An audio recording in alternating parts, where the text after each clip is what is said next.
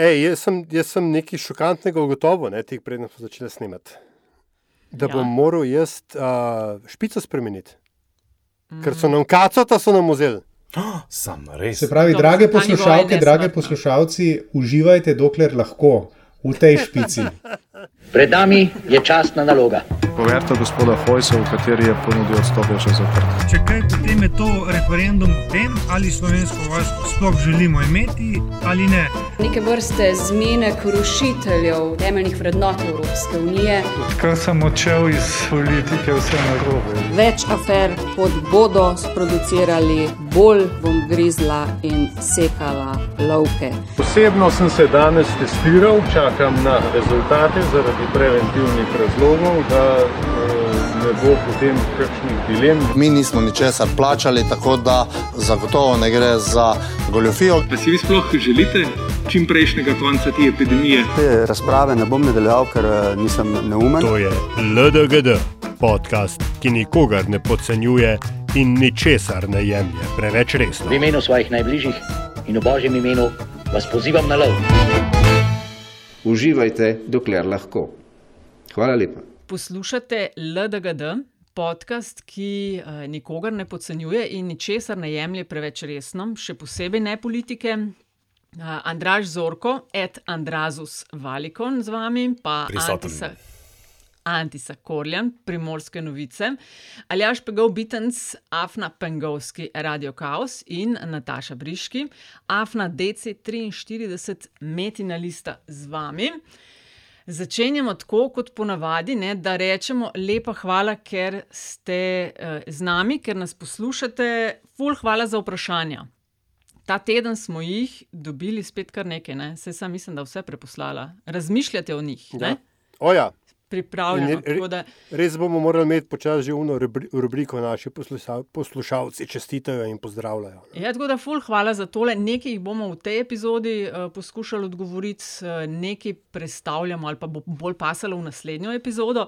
Tako da res hvala za družbo in tudi res uh, za investicije in uh, podporo našim vsebinam.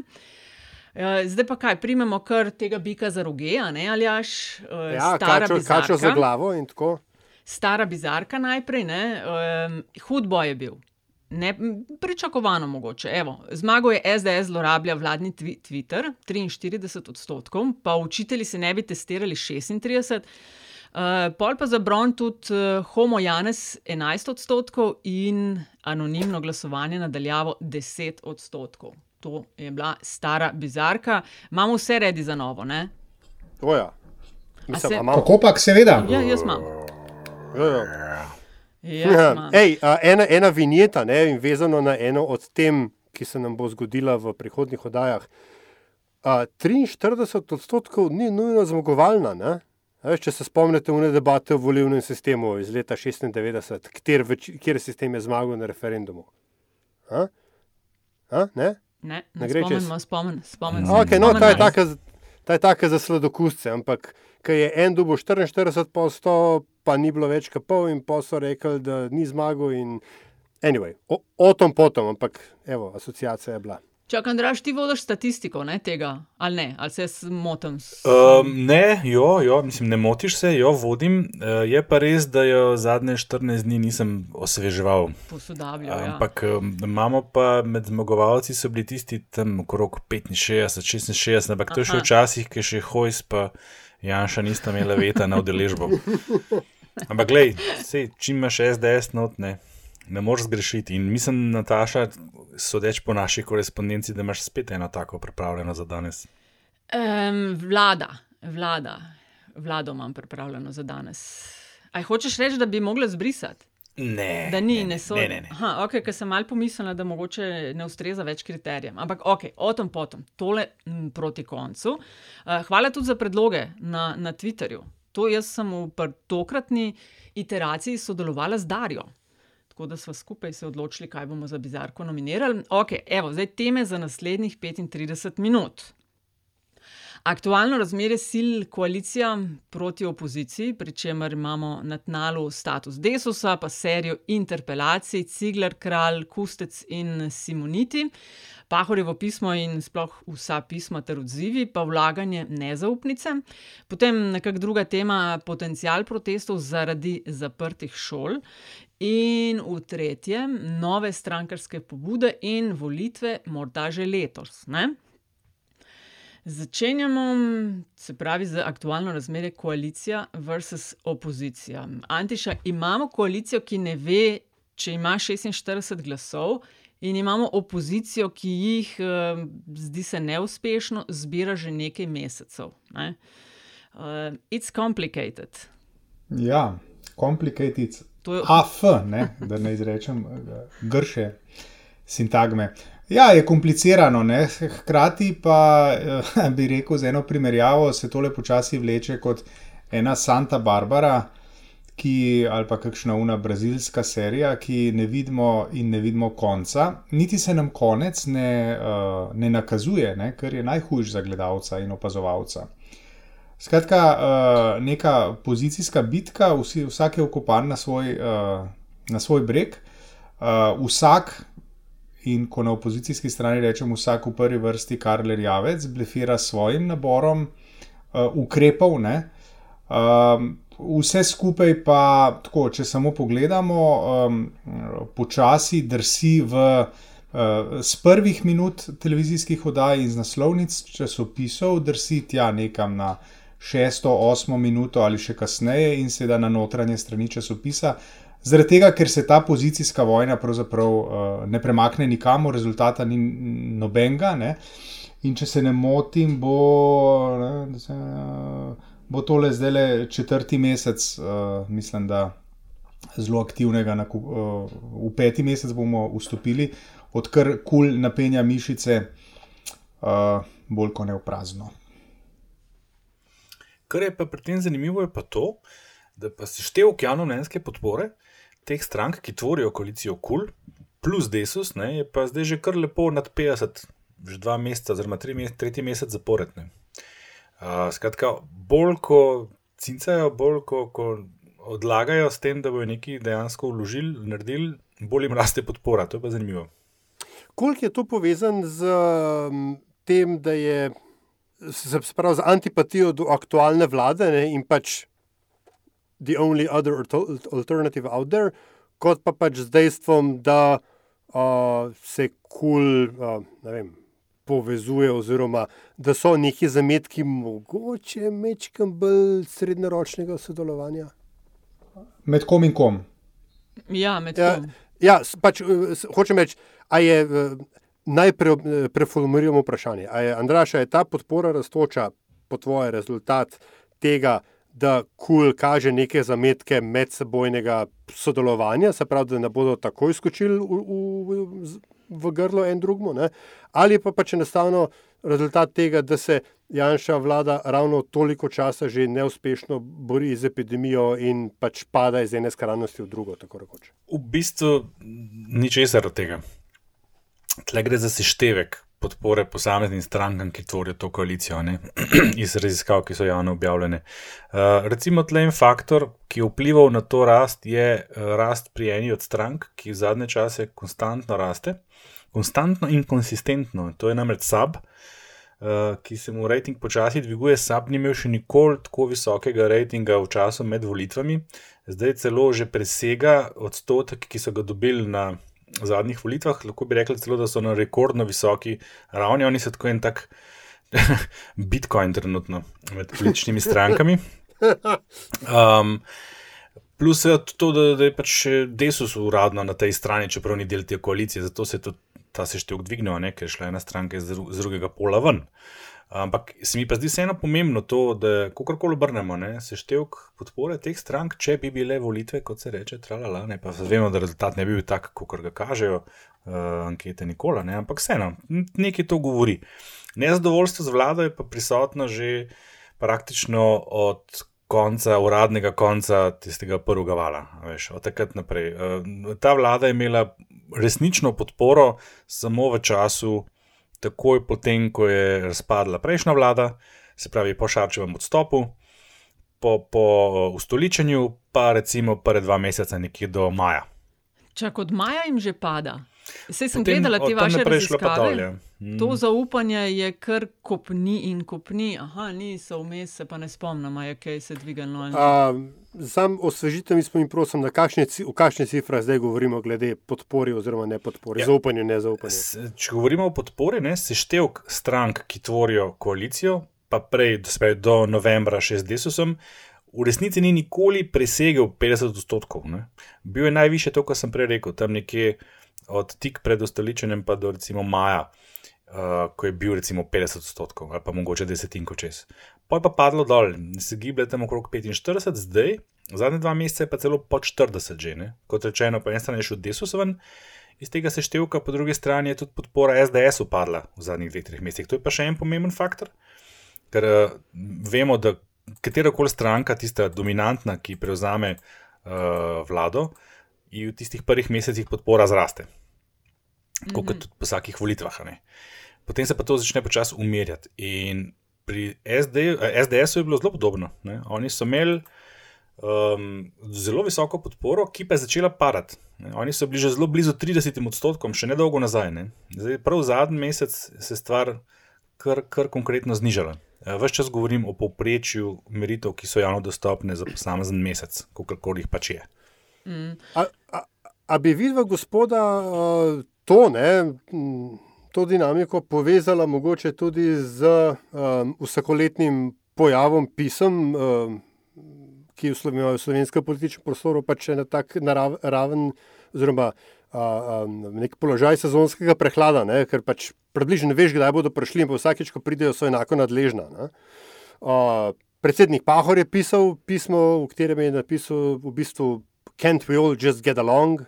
Potem imamo vidne posameznike, ki so pisali pismo, kjer so zapisali v bistvu Can't we all just get along, pa ne vladi nagajati. Um, a je to povezano z recimo temi premiki v javnomnenjskih uh, uh, raziskavah ali je, je to samo slu- slučajnost? Jaz bi samo eno stvar dodal, pred Nanti še prepustim besedo za odgovor na tole vprašanje.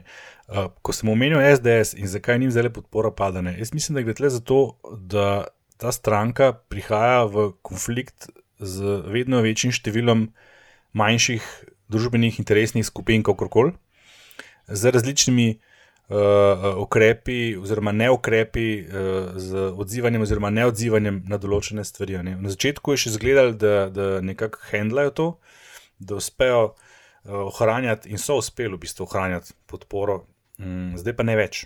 Zdaj se pa kaže, da se, da zdaj pa mi zdi, da do, revolta tudi pri tistih voljivcih, ki sicer niso njihovi podporniki, jih pa tudi niso zavračali. Ne? Mogoče to stališče, ok, eh, ne podpiram te vlade, ampak sem, da je, je bolj, da je tako, pa kakšna druga zdaj v tej situaciji. ne. Mislim, da pa zgubljajo zdaj tudi na tej ravni že. ne. To s pismi, to pa antiši prepuščajo. O, hvala, Antiša. hvala. Uh, jaz bi Dear uvodoma John. bi samo uh, spoštovane sogovornike in poslušalstvo obvestil, minila je prva tretjina predvidenih 35 minut tokratnega podcasta. Četrtina, petina, ne Tretjina. tretjina, pretiravaš. 35 tretjina. Tretjina. Ja, ja. 13 Uh, kar se pa pisem tiče, pa tako. Ne? Pisma sama po sebi, seveda, z njimi ni nič narobe, če niso pisma edina, ki, uh, um, uh, ki jih posamezni akteri spravijo od sebe. Um, tako bi rekel, no, um, se mi zdi, da ta pisanja z ene in druge strani so, po mojem, ena od oblik čiščenja vesti, umivanja rok in kar je še teh, uh, kar je še teh fraz, ki predstavljajo pač manever, ki ga posameznik naredi, zato da je sam pred sabo ali pa pred lastno javnostjo čist. Jaz sem se potrudil. Ne? Tako nekako se meni zdi, uh, se meni zdijo ta pisma. Uh, kar se pa tiče Can't we all just get along, kako si rekel, Aljaš, ne, je pa tako. Ne, jaz zdaj že nekaj časa opazujem in razvijam neko, nek blažji odpor do pozivov uh, k enotnosti. Jaz mislim, da je enotnost kot. Uh, Uh, kot nek, neka oblika družbenega delovanja je, uh, tako, uh, je precenjena, je uh, nek mit, ne, o katerem mi govorimo, da smo bili pa leta uh, uh, 90-91 enotni in da temu se moramo približati. Jaz bi rekel, da za prevelika enotnost je za demokratično družbo in njene podsisteme nekaj, k čemu mogoče ni preveč za. Za stremet, ne? zaradi tega, ker uh, v Severni Koreji so zelo enotni, ne? pa v Jugoslaviji smo bili tudi razmeroma enotni, ali smo se pa delali, da smo. Ne? Medtem ko za neko družbeno dinamiko se mi pa zdi zelo pomembno, da obstajajo različni pogledi, različne tendence, različni interesi tudi, da se razumemo. Interes v družbi je nekaj zelo legitimnega in je prav, da so različni. Problem, ki ga imamo mi, je problem, kako uh, te interese izpolnjevati oziroma jih dosegati. In kaj vse smo pripravljeni narediti, da nekdo, ki je konkurenčen, uh, ne uspe lastnih interesov uh, uveljaviti.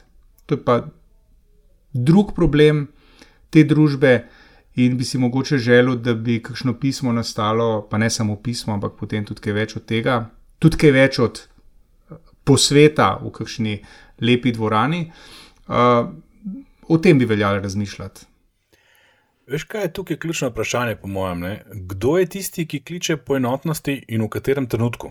Po mojem mnenju je bil čas za to paharjevo pismo nekje septembra, oktobra, ko so številke nakazovale katastrofo, takrat so že lajki, kot naprimer Miha Macini, opozarjali, da bo to Bergamo na kubik in, mi, in je imel recimo zelo utemeljen uh, argument, zakaj se bo to zgodilo, kar se je pa res zgodilo. In takrat, ne, ko so izredne razmere, ker to so bile izredne razmere, takrat je res kazali na neko zelo drastično uh, situacijo v prihodnosti, takrat je bil klic k temu. Ne, takrat bi rabil predsednika republike, ki bi rekel: Ok, zdaj pa stvar resna zdaj se pa ne zabavati, zdaj se moramo pa vsi skupaj nasproti temu problemu postaviti. Pa ta problem ni virus, ampak problem je odzivanje na virus. In če bi takrat, uh, takrat, bi, takrat bi brez hotel videti, recimo, enotnost političnih strank, ki bi vse uh, pozvale svoje podpornike, simpatizerje, da jim upošteva to, da jim upošteva to, da jim upošteva to. Zdaj se mi zdi pa prepozno, zdaj se mi zdi pa to bolj kot klic v sili, ki rešuje tistega, ki kliče po tej enotnosti, to je pa tisti, ki je očitno unesel toliko razdora v to družbo, da ima pa zdaj problem s tem. Jaz mislim, da ta stranka, ki sem jo prej omenil, se pravi SDS, že sama čuti, da, da prihaja v območje uh, problema oziroma resnega neugodja, ker ta padajoča podpora je zelo zanesljiv znak, da so se zamerili tudi skupinam, ki se jim prej niso. In v tistem trenutku začneš ti klicati po enotnosti. Veš, uh, tudi to pismo, recimo, ki je prišlo ne, strani nekih uglednih posameznikov. Ne? Tudi ni slučajno v istem času. Ne? Se pravi, očitno je prišlo do neke ugotovitve na neki strani, zdaj pa moramo mi tole malo umiriti. Pričemer, jaz na drugi strani ne vidim, a veš, nobene take akcije, razen vlaganja konstruktivne nezaupnice, ki pa nima prav velike jajca, ne? da bi zaradi tega mogel klicati potem. Pa se pa spomnim še ene zadeve, predno končam, ne paralele, kdo je pa recimo konc 80-ih uh, niti ne toliko klicev, ampak ustvarjal to neko ozračje enotnosti, ko je začel razpadati prejšnji sistem, pa ko je bilo jasno, da bo prišlo do nekih volitev parlamentarnih in tako naprej. Kdo je takrat klical po enotnosti, ja se spomnite? Ne? Oblast takrat je klicala po enotnosti. A veš, to nam zelo veliko pove. Timi, če se spomnite, okrogla miza, uh, raznimi poskusi, kako to vse, vse nekako vseeno zadržati skupaj. Ja, ja, to je bilo pod, pod, pod, veš, um, pod Marelo SZDL. Ja, ja, tako, ja. tako, da bi to bile neke ne, interesne pravi, skupine znot, ja, ampak znotraj SZDL. Ja. Ne, na In mojem to terenu. Ne, to je nauk. Tako, to je nauk, ne? kdo kliče po enotnosti in zakaj. In to nam več pove o tem, ki sklicuje to, kot pa o samem, samem potrebi po, oziroma um, uh, koristi, ki jo lahko neka taka enotnost. Mislim, moja impresija, pa recimo tem pismu intelektualcev, ne, kar mi je padlo v oči, to se mi nekako podobno zdi kot trenutna situacija v ZDA, ko so republikanci, potem ko so, ker so pač vladali, popolnoma zavozili reševanje zdravstvene krize ko so na volitvah izgubili vse, Belo hišo in oba domova, ko je pet ljudi umrlo zaradi linča, kjer mu je pozival predsednik Trump, zdaj govorimo, da jim to pozabiti, kar je bilo, združimo moči in pejmo skupaj naprej. Ne. Na to me mal spominja, ali pa omenjajo Estonijo in Češko, nas bojo so nas. Deset let sta Estonija in Češka že pred nami. Ne. Pa med 40 podpisanimi, sem še to v zvezi s tem pismom, mislim, kot vedno, ne, kadar iz te strani prihajajo pisma, štiri ženske so uspeli najti. Ne. A, še nekaj, ne? to, mislim, da se nikjer ne imenuje to, oziroma se niso sami pomenovali kot uh, intelektualci, ne? ampak vidnejši posamezniki ali kako že. Ja, Ja, to je bilo, to je bilo celo. Seznam je zelo zanimiv, v bistvu. Ne? Če ste opazili, poleg seveda uh, prevladujočega števila DR-jev, je kar nekaj posameznikov, ki prihajajo iz gospodarstva. Se pravi, so dejansko neke interesne skupine tukaj, tiste, ki Ki- kličejo k temu, ki imajo verjetno čist druge razloge, kot jih ima ne. Natančneje, MČM. je zelo, No. no. se zdi, A, to je močno. skupna točka. Aha. No, pa še, eh, je pa treba tudi res, da je med uh, podpisniki nič tega pisma kar ne. nekaj poslušalcev uh, podcasta LDGD, tako da shout out to all of you people. Uh, vendarle, ne, glede tega pisma, ne, vidnih posameznikov, uglednih posameznikov, meni se to vendarle, veš, tako malo zdel kot um, pričakovan izraz lojalnosti, slash audience za službo, uh, ki ima tako, tako neprijetno asociacijo, uh, Nataša, ki je že omenila, ZDA, ne, Mhm. uh, na pač, um, refleks republikanski po vsakem masovnem streljanju, Ja, ne, to, kjer, ja. kjer potem rečejo, zdaj ni čas, da bi se mi, da mi, mi odpiramo te teme. Ja, ne. poglejmo naprej. Tako. Ravno zdaj je čas, da odpiramo ta teme. To, smo, to se seveda navezuje na vse te naše debate tukaj v LDG-ju o tem, kdaj je čas za nezaupnico, kdaj je čas za interpelacijo, kdaj je čas za amadmaje opozicije in tako dalje. Vedno je čas. Tako da, tako, tako, to je zelo jasen in enostaven odgovor. Kar se pa Pahorjevega pisma tiče, ne, sam to je pa, in to mislim, da je vezano tudi na mogoče eno vprašanje našega poslušalca.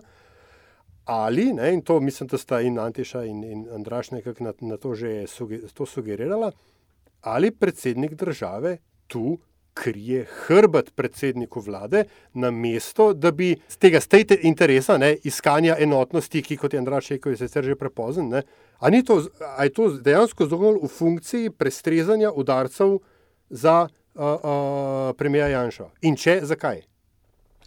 No, jaz, jaz, jaz, jaz si tako mislim, ne, da predsednik republike tega ne rabi. Uh, se pravi, tega prestrezanja. On, uh, uh, mo, se pravi, reelekcija za. Misliš, predsednik vlade? Ne, predsednik države Ja. ne rabi igrati te vloge v imenu predsednika vlade, zaradi tega, ker uh, on više od tega, kar je v sedanjem političnem sistemu, ne more, tretjič ne more biti predsednik republike, na reelekcijo ne bo šel. Se pravi, uh, tega ne rabi. Ne vem, zakaj bi to počel.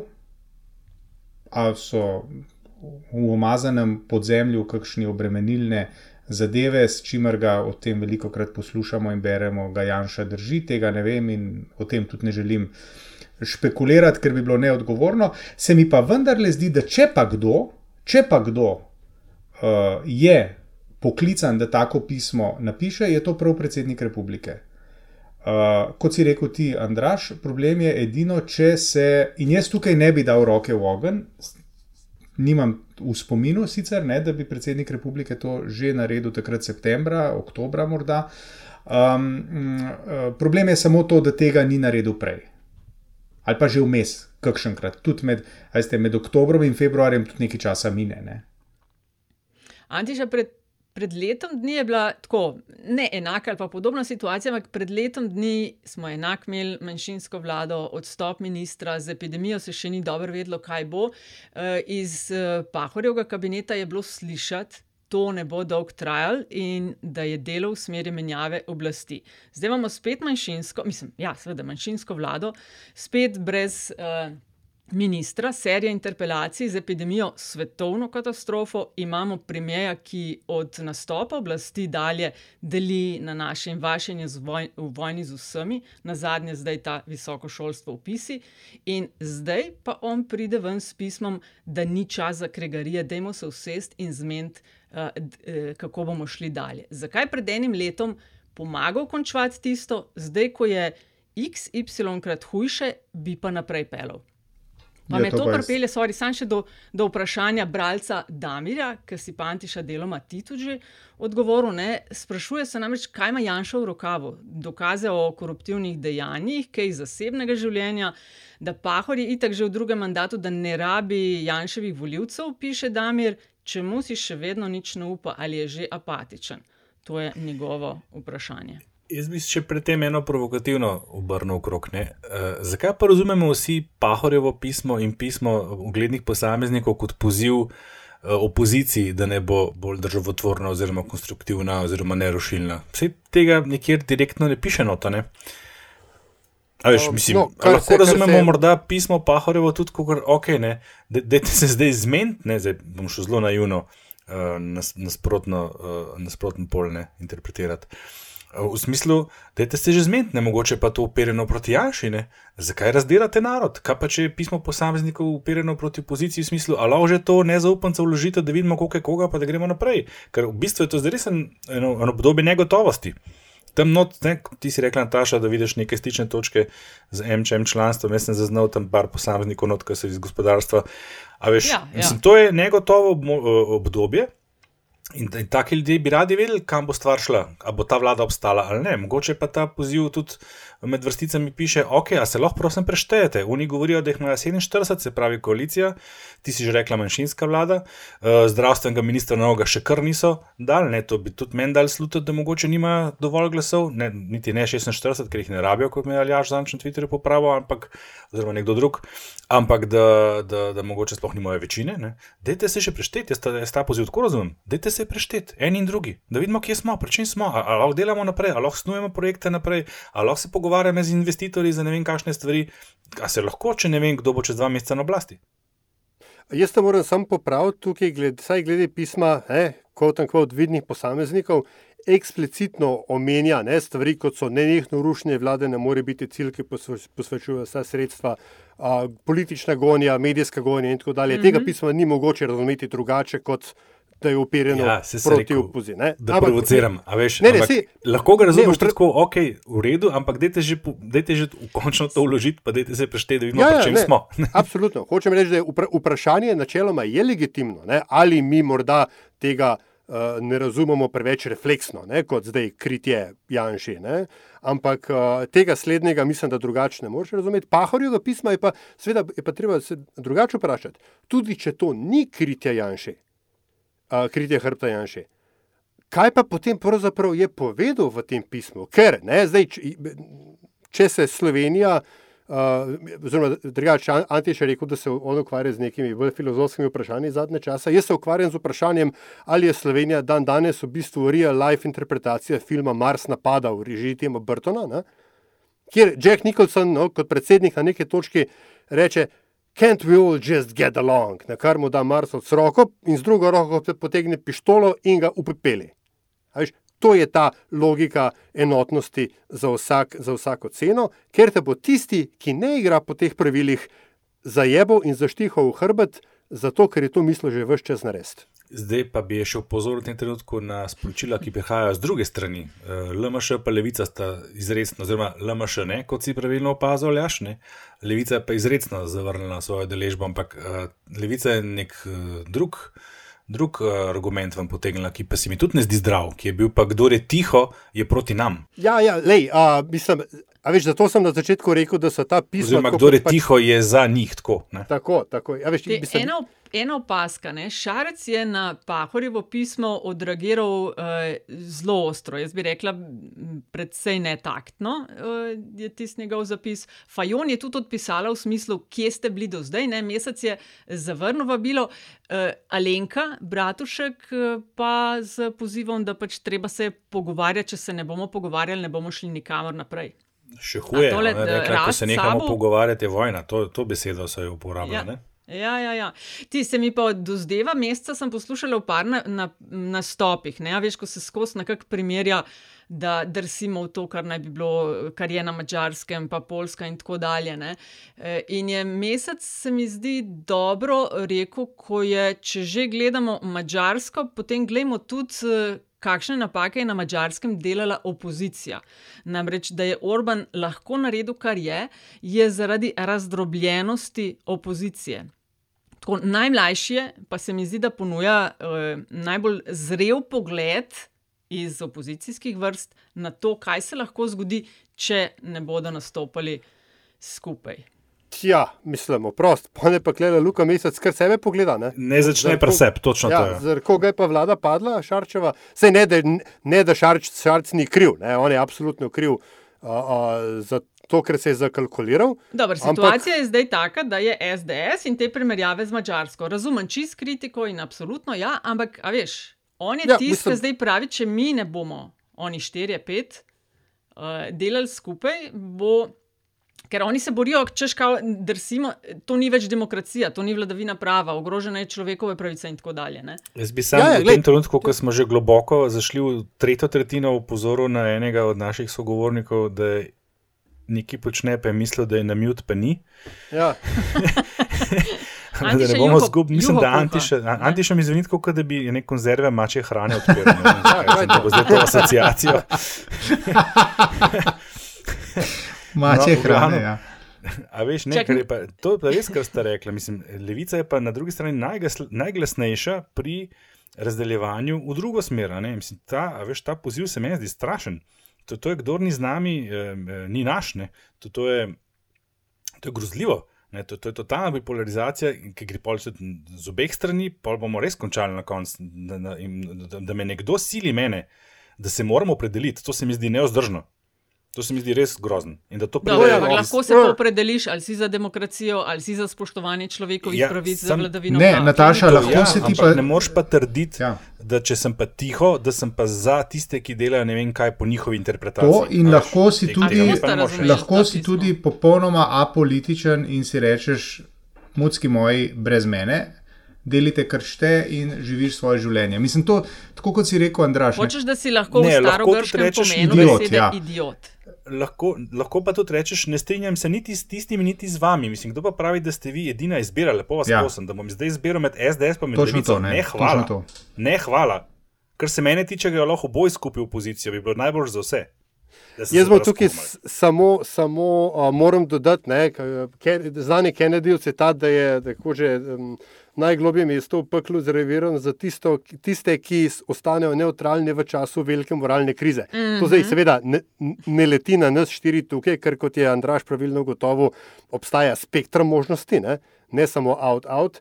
Uh, ampak uh, se mi zdi, da je treba v tem, v tej, na tem hipu vendarle pač na, na to opozoriti. Kar se pa pač same levice tiče, ne, veš, je pa tako. Ne, uh, uh, eno drugo primerjavo bi lepo potegnil. Uh, ko je Jean-Claude Juncker postal predsednik Evropske komisije, mu nihče ni verjel, ko je govoril o tem, da se bo on kot šef komisije boril uh, proti davčnim utajam, ker fucking Luksemburg. Veš, uh, če tudi je imel najboljše namene, mogoče s tem, mu zaradi minusa na kredibilnosti na, po tej temi, nihče ni verjel, ko se je komisija s tem ukvarjala. In ta isti problem tukaj ima levica. Ne? Tako da, Luka, mi smo v tem pismu od eh, meseca videli, da ali si z nami ali si proti nam. Berem to pismo in, in ne, ne, ne vidim. Ne, on tega, pravi, da, da je tišina je isto kot da si, ne, ne, ne, besedno, ne vem, kaj ga nimam pred sabo. Ja, ampak da... nismo to isto govorili zdaj pol ure. Kje je bil pa do zdaj, pahor? Nismo točno to govorili, pa da se je treba oglašati. Prej. Ne, jaz hočem povedati, da te, da te sili v izbiro, da se moraš zdaj pa opredeliti, ali si za njih ali si proti njim. To se mi ne zdi v redu, ker vse čas delajo eno situacijo, eno, eno, eno histerijo, ki, ni, ki nima prostora tu. Mislim, te primerjave z Mačarsko so popolnoma brezpredmetne.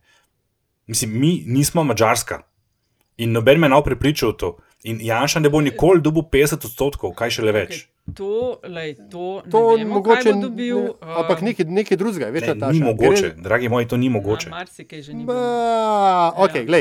Upam, da boš prav. To grem pa, to grem pa staviti zdaj le s komarkoli, za karkoli. Prav. Uh, ampak nekaj drugega, Nataša. Ne? Uh, vprašanje je tudi, ali je Luka, veš, mi lahko to rečemo, mi lahko rečemo, predsednik, kje je bil do zdaj. Ali vprašanje je, ali je Luka mesec tisti, ki lahko reče, ali pa ki lahko med prvimi reče uh, kdo ni z nami, je proti nam, ali pa mogoče ni tega rekel, predsednik, kje si bil do zdaj, do zdaj in tako dalje. Uh, vprašanje tukaj je, ali je parlament prvi prostor, kjer dialoga zmanjka, ali mora biti to zadnji prostor, kjer dialoga zmanjka. Jaz se seveda strinjam z. Večino, z veliko tega, ali pa z, z sentimentom, ki ga je mesec tam noter zapisal, ker je analiza stanja bolj, kot ne drži. Vprašanje pa je, ali je on kot predsednik relativno velike med manjšimi parlamentarne stranke in kot človek, ki zelo očitno gleda proti ministrovanju, uporabil uh, pravil modus operandi za to, da je to izrazil. To. Misliš, mene. da bi, kaj bilo, da bi bilo boljš, če reče, prišel bom pa tam povedal to isto? E, ta, Tanja Fajon je točno to rekla in tukaj v prosti se pozna kilometrina. Imam veliko pripomb na to, kje je SD ta hip je in kako jo Tanja Fajon vodi ali ne vodi, ampak to je bil pravilen odgovor. Predsednik, okay, motiš se. Ali pa še bolj pragmatičen, kot je Bratoško, ampak ti moraš iti tja, kjer je dialog. Se ni živimo v diktaturi. 35-0-0. Ja, je konec oddaje. Greš tja, lahko greš, veš, lahko greš pa tja, pa poveš, pa tam na glas to prebereš, pa protestno zapustiš. Da me spomniš, Andraš, razumem. Ampak de, vse veš, politiki se oddelajo, kar je tudi politično oportuno. Da me spomniš, uh, kateri stranki raste konstantno že nekaj mesecev. Ja, A je levici, to levica? Je, ja. ja, no, hvala. Ja, pa vprašanje, če za to veš. ja, mislim, da to, kar počnejo, očitno njihova volivna baza aplaudira temu, ne, če jim raste, pa še nove dobivajo. Ja, ampak še vedno govorimo o stranki, SD ki ima rekli, kriza. podpore, ne o stranki, ki ima 30 ali pa 40 odstotkov. Ja, Že, ampak, ampak, ampak ravno to, gledaj, oprosti, ravno to je bil. Levica.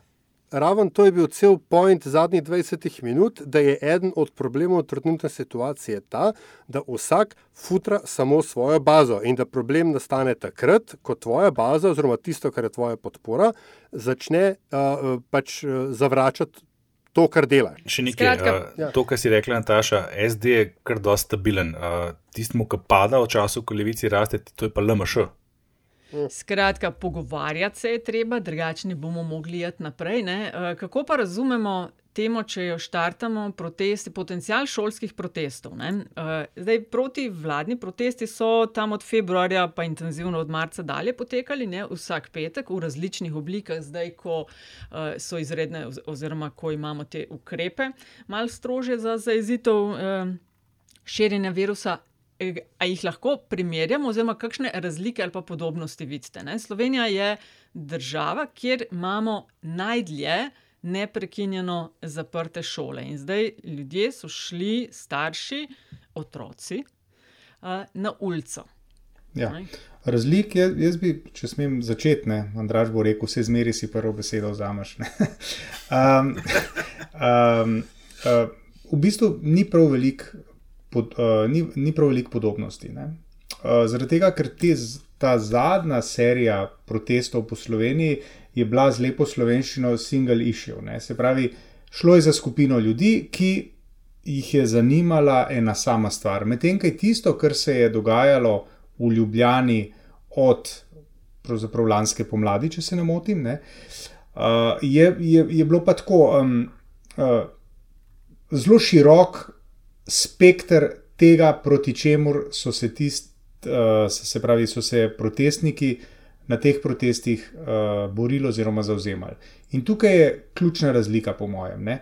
Jaz mislim, da tako špekuliram, ampak si upam reči, 95 odstotkov tistih, ki so bili uh, minule dni na protestih na temo šole, njih v resnici ne, ne zanima prav zelo. Uh, Uh, oziroma, ni njihov smisel in smotr, da so tam in namen, da zamenjajo vlado. Medtem ko so ljubljanski protestniki imeli primarni cilj točno to. Tukaj gre za eno temo in to je, otroke je treba poslati nazaj v šolo, medtem ko takrat je šlo za vse kaj drugega, oziroma bistveno širši diapazon. In, ne, kot vemo iz zgodovine, se velike stvari zelo pogosto začnejo z nekimi partikularnimi, mehkimi protestki, ki, prote, ki potem prerasejo. Ne? Uh, v Mariboru, v, Mar vzroki, ja, v Mariboru so jih motili radari, v, uh, če hočete, v um, uh, Romuniji leta 1989 jih je motila neka politika do enega mačarskega uh, duhovnika, in tako naprej, stvar je potem prerasla. Jaz ne vem, če ta zadeva tukaj, ki smo ji bili priča zdaj minule dni, bo prerasla. Je pa ravno to največja nevarnost, ki, uh, ki preti temu, jaz niti ne vem, lahko že govorimo o gibanju, namreč da se ga polasti, uh, da se ga polasti politika uh, in ga seveda spelje v svojo smer. Se pravi, dajmo mi še pritakniti temu, da hočemo otroke v šolo, dajmo mi še temu pritakniti, da hočemo, pa da vlada pade, pa da unga dajo na sodišče, pa to, pa uno. Potem imamo zgodbo iz Maribora 2012 in iz, kasneje iz Ljubljana in tako naprej. Nekdo se je oglasil ravno kar. Nekdo, ki ni v Tako? šoli. Ne? Protestnik, Ja. protestnik. Ja. E, ne, to je vrtičkar. Eh, Veš kaj, ja, eh, meni se zdi, tega, ja. to, tole, kar je Antiša povedal, mogoče pa tega ne smemo tako zelo ločevati, kot smo teme ločili uh, od prejšnje teme. Ja, Veš, te povezan, stvari ja. so povezane. Jaz mislim, da, da, da, da oblast čuti, da se jim majajo tla pod nogami. Uh, z več vidikov, a ne, in da to je eno vidiko, siguren to, kako, so, kako je Janša zelo na hitro uh, te starše obtožil, da so ne vem kaj in kako zlorabljajo otroke, to se mi zdi zelo degutantno, tako rečem. Ne.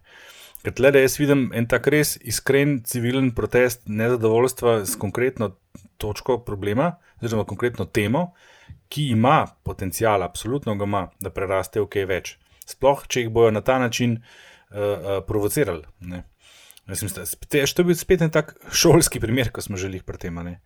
Namesto, da bi ta vlada rekla, uh, razumemo vas, razumemo, da ste v zadregi, razumemo vaše težave, uh, bomo naredili ne vem kaj, bomo se potrudili, mogoče ne bomo mogli uh, ustreči temu, ampak razumemo vas. To bi bila ogromna razlika. Ne pa da ti priješ ven in rečeš, to so eni politični sprovociranci, klasični ne vem kaj, bla bla bla. Ja, lepo te prosim, seveda se ti imajo tla pod nogami, če pa za vsako družbeno skupino delaš, da je tvoj sovražnik. tako, veste, jaz sem, Ne. jaz, sem, uh, jaz sem opazoval, jaz nisem bil tam, ne, imam pa tako iz prve roke poročilo.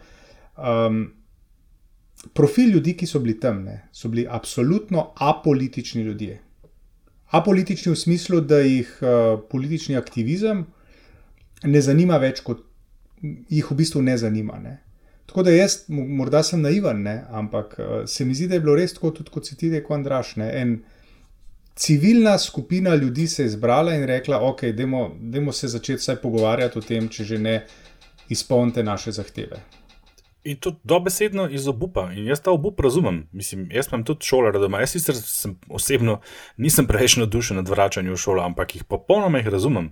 A veš, ker življenje, če imaš enega, je postalo neozdržno. Kaj še, če imaš dva ali pa tri šole obvezne? Takih tudi ni malo. Ne? Skratka, če vas prav razumem, protesti v Ljubljani so del folklore, protesti v kvot in kvot provinci so pa lahko resen problem za oblast. To je takeaway tukaj. Bolj resen, kot so bili oni prvi. Ja.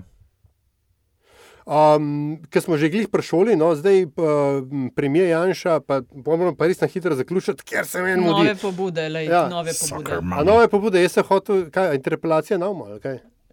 Zdaj smo že mi. Sem mislil, da se ti mudi. okej. Ja, se res, to je, to je res. Ampak, a, a, a se sam strinjamo, da je premijer Janša, poleg tega, da je zdaj tudi zdravstv, da je še zdravstveni minister, da je zdaj v resnici postal še nadminister za šolstvo. To je že vaš čas. To je že vaš čas. To je že To je že od A začetka je- je nadminister vsega. Okay, ampak zdaj ta že, odziv je to dokazal. Bi se s tem odzivom to, ja. to dokazal. No, vse to, pa zdaj, ko ima še, ko on ima ta posvet o, razpi, o upisnih mestih in tako dalje. ja. ne. Pa da ministrica Talija je tudi močna, da ministrici prepovejo govoriti. Ja, to, čak, temo. to je pa moja bizarka, prosim. Ok, da- neham. dajmo, ja. No, neham, Ok, dajmo a- pol še vse te nove pobude, Aljaš. Ja, uh, ja uh, No, vem, aj, aj, s tem aj se povezuje. zapovedati. Ja, Ja, ne, da, da se iz takih stvari lahko rodi točno to. Uh, jaz sem A ja, razmišljal aha, v tej ja, smeri, a veš, to, kar tudi uh, Antiša rekel. Jaz sicer tam nisem bil, teh ljudi nisem videl, vse, kar sem spremljal iz medijev, ampak sem dobil ta isti občutek, da gre za eno skupino ljudi, ki so sicer politično dosti neaktivni, da so mogoče bolj aktivni na Facebooku, kakšne druge. Uh, da pa ni rečeno, da se pa česa takega uh, ne utegne razviti, pa tudi politična pobuda, nekaj čist novega. Jaz mislim, da Slovenija počasi postaja zrela za neko tako stranko, kot je bila, oziroma je še vedno stranka petih zvest, oziroma gibanje petih zvest v Italiji. Uh, spomnimo se, ne, takrat je bila v Italiji kar huda politična kriza po vseh teh letih uh, menjav vlad in koalicij in volitev predčasnih. Mi nismo dosti daleč od tega. In tudi uh, LMŠ je bil že prvi tak primer, v bistvu imamo spet eno zanimivo stično točko med ustanoviteljem gibanja petih zvest in, in, in ustanoviteljem liste Marena Šarca, ne, uh, ki nima veze s tem, ampak sen je pa zanimiva.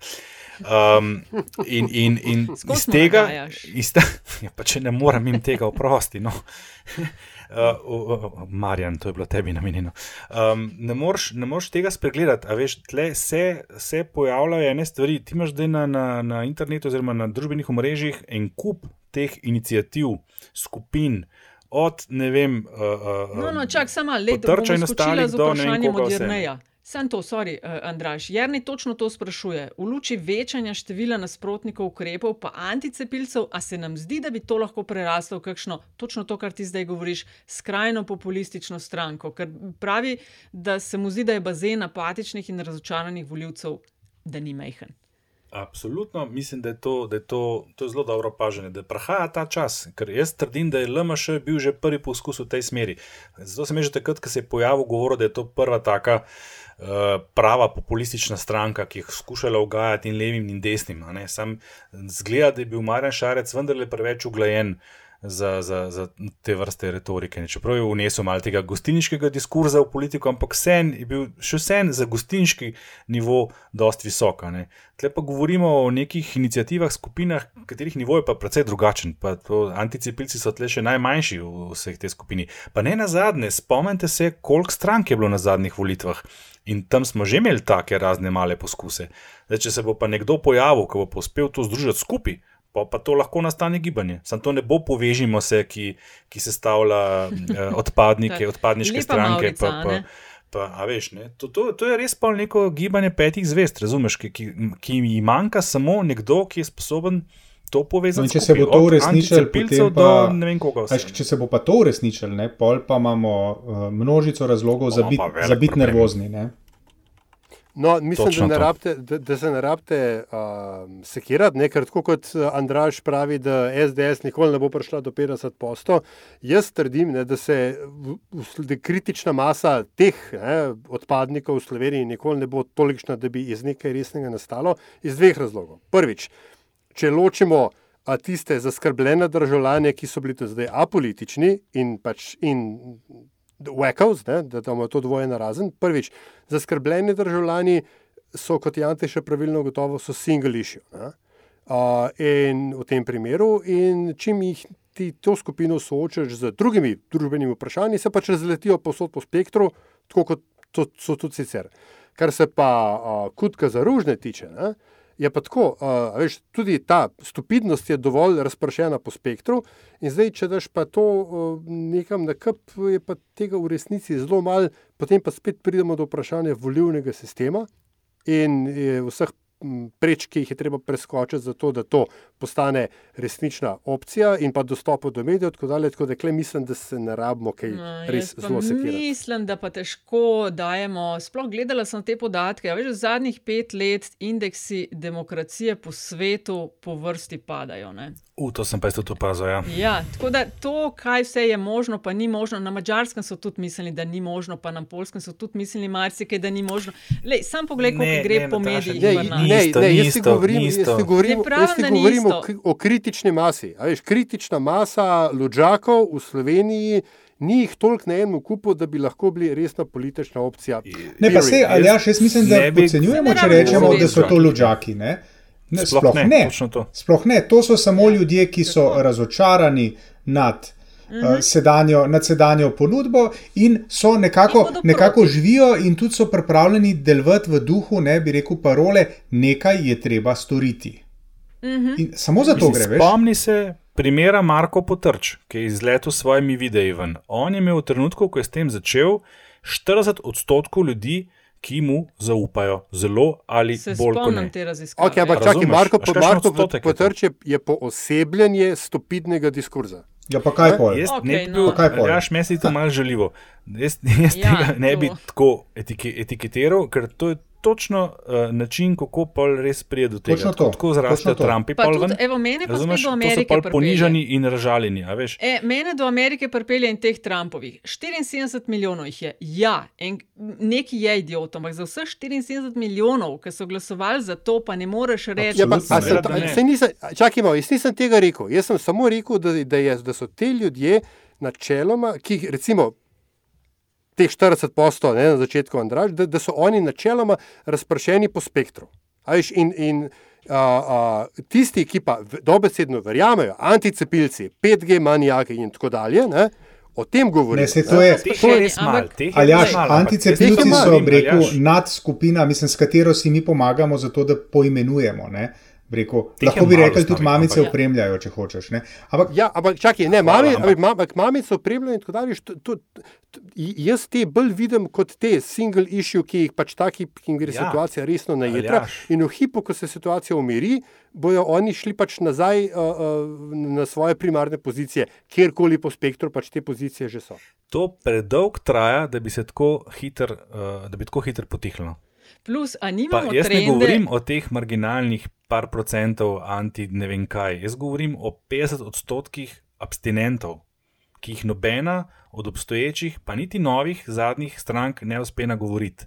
O teh govorim jaz. To je eno, plus Andraš, mislim, da v meritvah zaznavate averzije do starih strank, da imamo zdaj že deset let skozi nove in nove stranke in da imamo na lokalnih nivojih vse več lista tega in tega. Ne, ne več SD, Tega je res SDS in veliko, točno to. Tega je res veliko. In se, da se ti pojavi en lik, ne, ki ki je sposoben to povezati, ti bo Ja, pripeljal ne- na ampak ne volišča, more- voljivce, Okay, ne more, ne vemo, lej, čez deset let bomo Ja, ta okay, evo, obdobje Andraš, mogoče. ti staviš, da oni ne bojo dobili 50 poslov, jaz pa stavim, da iz te moke zdaj ne bo kruha. Le, jaz bi sam rekla, da retrogradna obdobja niso čas za stave.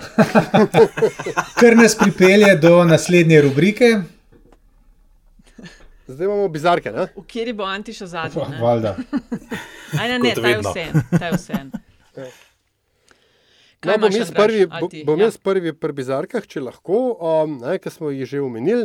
Uh, moj izbor za bizarko je uh, Urad za vlade za komuniciranje in direktor Uroš Urbanija, ki je po pač pričevanjih medijskih uh, včeraj, se pravi v sredo, prepovedal uh, nastop ministrici za šolstvo, šport in znanost Simoni Kustec v odmevih.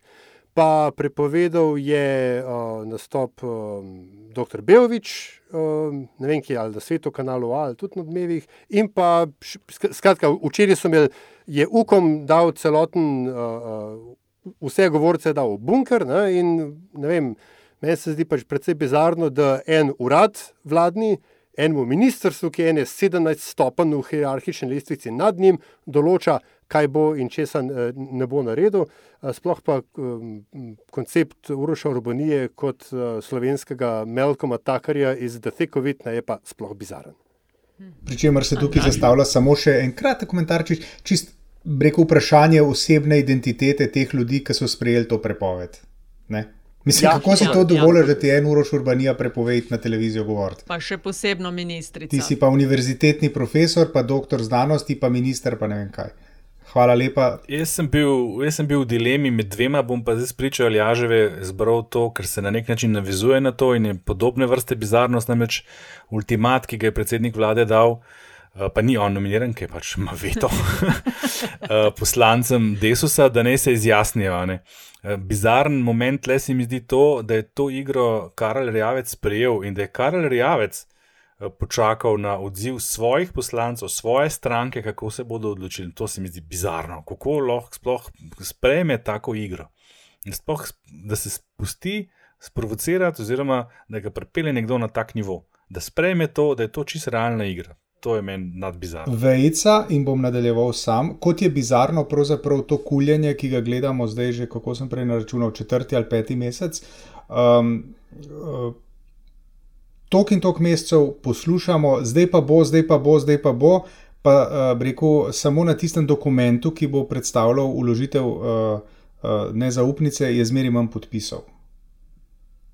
Da kdo to še resno jemlje, to se mi zdi bizarno. Le javno mnenje. Z eno besedo. Jaz pa tudi, zdaj pa jaz imam pa tole, no, eh, usmerjeno izobraževanje 2.0 ali neki.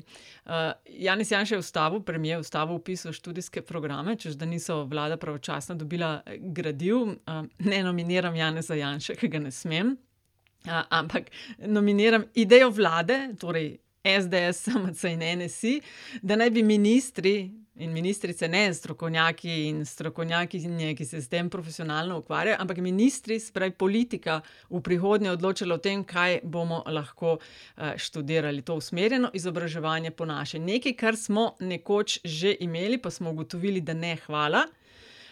Tole je moja bizarka v tej epizodi. Ja, se strinjam, da je treba te stvari usklajevati, ampak imamo ene strokovnjake, ki se, predvidevam, s temi stvarmi ukvarjajo. Ne bi si želela, da to bi ministri in ministrice, da bi, ne vem, Zdravko rekel: "Glejte, zdaj bomo pa imeli za, ne vem, šestnajst več kmetov na leto, ker bla, bla in podobno, ne." Ti smo pa kar luštne obvode speljali okrog.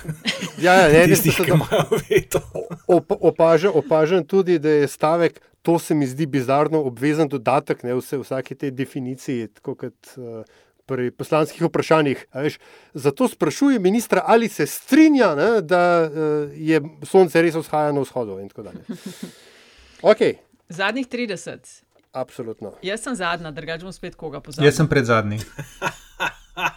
Jaz sem drugi. Ja, bom pa jaz prvi, to skoraj nikoli nisem. To, da nisem nek športni navdušenec, smo najbrž že opazili. Zelo rad pa spremljam šport, zato ker je tam ogromno statistike, s katero se da ukvarjati, kadar imaš preveč časa.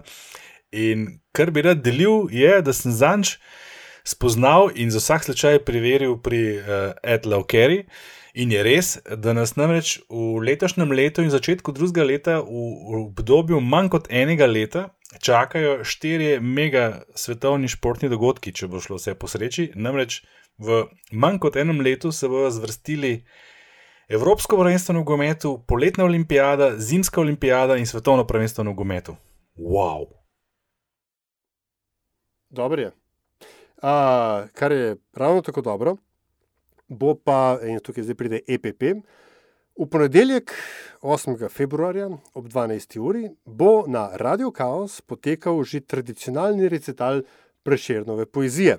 Letos mečken drugače, ob upoštevanju vseh proti-covidnih ukrepov, ampak recital ob sodelovanju slovenskih dramskih igralk in igralcev bo na standardnem naslovu radiokaos.info in na uh, zadevnih uh, kanalih družbenih omrežij. Vabljenih, ko gledam in poslušam. In bom nadaljeval v kulturnem duhu, tokrat bom storil precedens in bom priporočil ne, dve stvari. Nobena od njih ni uh, z Netflixa. Um, prva je. Prva je dokumentarec, prvi je dokumentarec, kratek dokumentarec z naslovom Urbana slovenščina, ki je ga v sredo popovdne predvajala televizija Slovenije. Uh, oddaja se ukvarja s tem, ali in v kolikšni meri pripustiti predvsem angliške fraze v vsakodnevni slovenski govor, ali to jeziku škoduje, in tako naprej. Biserček tega je, ko uh, reper Nipke v oddaji reče, da on je pa embraceal slovenščino. Okay? To je prva, druga je pa uh, bralno priporočilo, ker smo pač pred kulturnim praznikom. Toplo priporočam uh, zadnje delo, išlo je pri Beletrini Janja Virka z naslovom Jaka in Vane. Uh, zgodba o dveh ljubljanskih uh, študentih, bojemih, umetnikih, ki se prebijata skozi prvo polovico 80-ih let v takratni Ljubljani, uh, komur so te teme generacijsko ali interesno blizu, toplo priporočam. Tudi moja bo knjiga, ker je ravno danes šla v tisk, sem izvedela, čez nekaj dni, namreč bo izšel Retrovizor, knjiga kolega Dejana Pušenjaka, dolgoletnega novinarja in urednika na Delu in Večeru. Ugledno ime na naši medijski sceni. avtobiografska je, piše dnevnik gospodinjca in hkrati reflektira različna obdobja svojega življenja, pri čemer zajeten del posveča politiki in medijem, in to brez dlake na jeziku. zelo dobro piše, zelo zanimivo se bere. Eni bodo manj, eni bolj zadovoljni, vsekakor pa vredna branja. Retrovizor, Dejan Pušenjak, kmalu si jo boste lahko tudi kupili. In to nas pripelje do konca, ne? Yes, to je to. V naslednji epizodi pa povemo, Andraž, kdaj bodo volitve. Uh, in se vam zahvaljujemo za pozornost, za deljenje epizode. Če nam namenite kakšno oceno pri vašem podkastu ponudniku ali ponudnici, pa sploh lepa hvala. Pa čestitamo in eh, želimo vesel kulturni praznik. 59 minut in 10 sekund. To je teh naših 35 minut. To je novih 35, ja. to, naš podcast traja kot epidemija, predolg.